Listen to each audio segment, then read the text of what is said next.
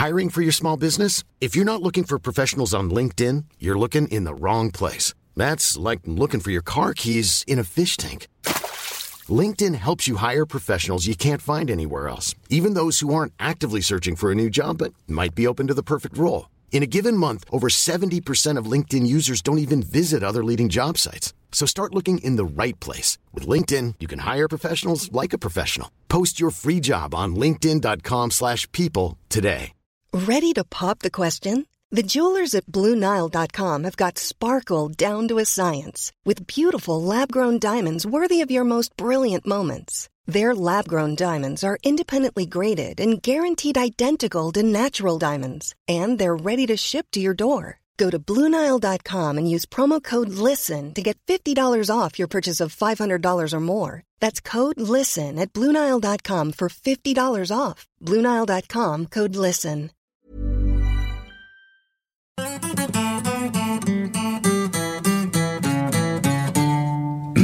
Hej och välkommen Simon. Tack så mycket. Hur är läget? Det är bra tack. Härligt. Hur, eh, vad tyckte du om senaste matchen? Kan vi ta ett litet snack? Ehm, jag tycker att AIK ska vinna. eh, för att vara kort. Men ja, det är väl något vi sett ganska mycket senaste åren. Att vi vinner derbyn och sen vinner vi inte, inte derbyn. Mm. Precis, vad var det elfte i rad matchen efter derby som vi inte vinner? Ja, eller derbyseger i alla fall. Tror jag det. Eller är det derby? Var det så? Ja, men, ja precis. Ja. El- det är ju sjukt hur man sitter och räknar på sånt egentligen. Man tittar tillbaka på alla derbysegrar och ser Ja. när har vi vunnit en match efter. Ja, ja men det, det skulle man ju kunna ha räknat med. Då. Ja, vi borde, jag vet inte, vi borde ställa upp med B-laget eller något för att det funkar ändå inte med A-laget. Nej, precis. Och vila de andra Ja, spelarna. bra. Men eh, samtidigt så, jag, jag var sur direkt efter men sen så tänkte jag att kanske inte, vi hade fem ordinarie borta. Ja, Eh, man, alltså det är viktigt att vinna och viktigt att ta poäng och, och hålla jämn, jämn fart med Göteborg och Malmö. Men eh, det är svårt att kräva så mycket mer egentligen när man har så pass viktiga spelare borta. Nabbe och Fori och Pertan. Det är liksom, det är svårt. ja. Det är väl så det. Malmö tappar också poäng.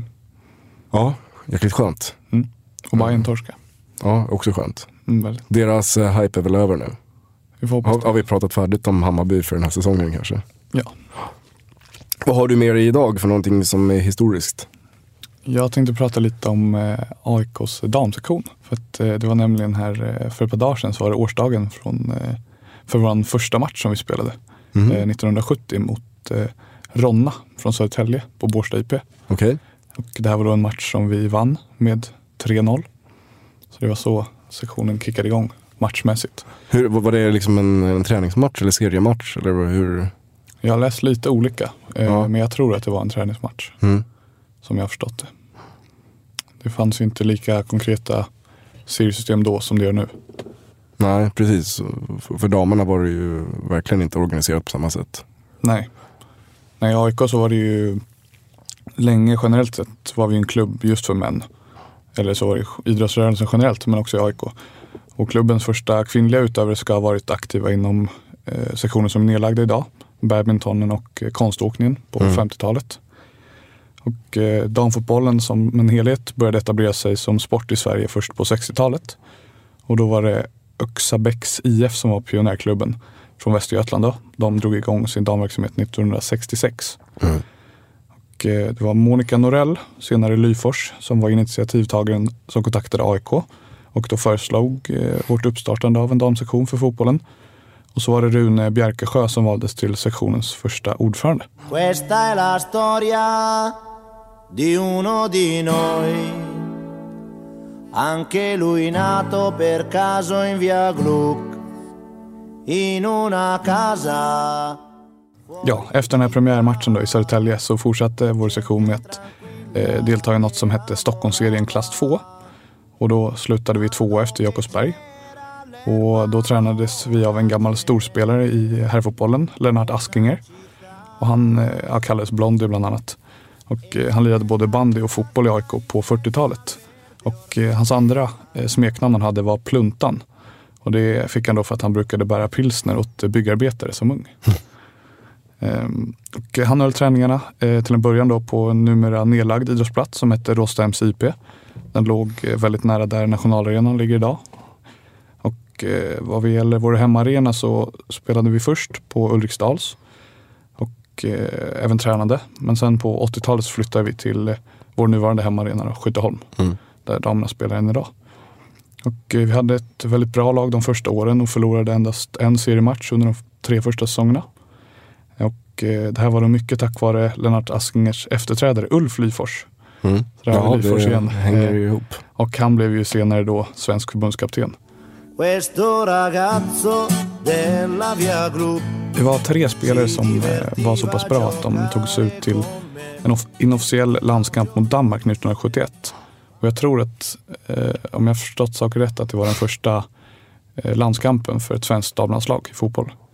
Och eh, de tre spelarna från AIK var Ulla Wahlström, Ann-Katrin Löfstedt och Gunilla Karlsson.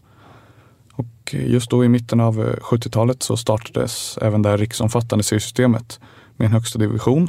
Och den var då uppdelad i flera olika lokala serier där vinnarna sen möttes för avgörandet om SM-guldet. Och eh, 1981 då vann AIK division 2 för andra gången någonsin. Och just den här säsongen så gjorde man det helt eh, utan att förlora en enda poäng. Så de här 18 segrarna gav 36 poäng då med tvåpoängssystemet. Och vi hade en eh, målskillnad som löd 76-15. Snyggt. Mm. Och eh, AIKs damfotboll har inte alltid prioriterats speciellt högt av varken klubben eller förbundet. Eh, och ett exempel på det är ju när AIK mötte AIKs damer då, mötte Enköping 1977 i en seriematch i division 2 på Råsunda. Då agerade man före match inför eh, derbyt mot Hammarby i herrallsvenskan. Då. Mm. Och eh, avsparken i dammatchen blev något försenad. Eh, så då tvingades de eh, helt enkelt spela klart sin match vid ett senare tillfälle för att man ansåg att herrarna behövde värma upp länge på gräset istället för att damerna skulle spela klart. Ja. Men ja, det kan vi väl kanske nämna att samarbetet mellan herr och damsektionen är ju bättre idag. Och det kan man ju, kan man ju säga att eh, även om det har blivit mycket bättre så kan det säkert bli ännu bättre i framtiden också. Mm. Hur man kan interagera med olika för det, går, det, det går ju, kan vi säga, det går ju jättedåligt just nu för AIKs damer.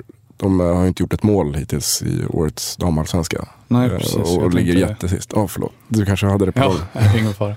Nej, jag tänkte avsluta med det vi har, ja, som du säger, fem mållösa matcher tror jag det är nu Mm. i årets damallsvenska. Så det är bra om vi kan kraftsamla lite och kyla ner till skyttarna och i alla fall på hemmamatcherna stötta damerna. Jo, för det är ju, snart är det ju derby.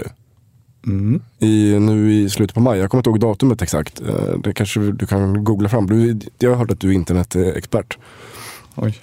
Eh, för det är ju AIK mot Hammarby i damallsvenskan på Skytteholm på den nya nylagda eh, konstgräsplanen på, eh, på A-planen. Den som man också ska spela Lennart Johansson Academy Trophy på. Ehm, och det vore ju roligt om det blev lite kraftsamling till den matchen. Om de damerna kunde få det stöd som man förtjänar. Särskilt när man ska spela mot lokalkonkurrenterna från eh, stadsdelen Södermalm. Sen kan jag också snabbt nämna, medan vi väntar på Simon, ehm, med hans googlingskunskaper, att eh, den 27 maj så är det ehm, eh, match på Skytteholm. Då är det alltså AIK mot Norrköping i U21-serien. Och då är Radio Råsunda tillbaka vid, rodret. Och vi kommer att leda den matchen bättre än vad vi gjorde mot um, Djurgården. 21 maj är derbyt mot Hammarby. Precis, klockan 19.00. Den 21 maj klockan 19.00. Skytteholms IP. Domare Malin Johansson. Vet du vad som händer klockan, den 21 maj klockan 19.00? Ja, då ska vi spöa Göteborg borta. Yes. Så om man inte Är man inte i Göteborg så är man på Skytteholm. och streamar AIKs herrar i I mobilen. mobilen. Precis. Ja. Ja, Grymt. Och eh, om vi ska hoppa tillbaka till historien lite kort. Ja. Så eh, tänkte jag säga det att eh, 93 var året när man slog ihop norra och södra högsta serien till en. Och det var då som eh, damallsvenskan startades. Och då var AIK med och eh, slutade på nionde plats då, i första upplagan. Och eh, sen så gick det dessvärre utför ordentligt. Vi åkte ur högsta serien 95 och sen så föll vi rakt genom andra serien 96. Och sen kom vi tillbaka till allsvenskan först eh, 2005 och även då åkte vi ur direkt. Men sen så när vi gick upp återigen 2007 så värvades det friskt och även 2008 så eh, spelade bland annat eh, australiensiska storstjärnan Lisa De Vanna för AIK. Om du minns det. Mm, jag minns det. Eh, och det är de här två åren som än så länge är vår sektions storhetstid. I och med att vi var i cupfinal 2007 och kom fyra i Allsvenskan 2008. Och inte om du såg cupfinalen men vi låg under med 3-0 i paus.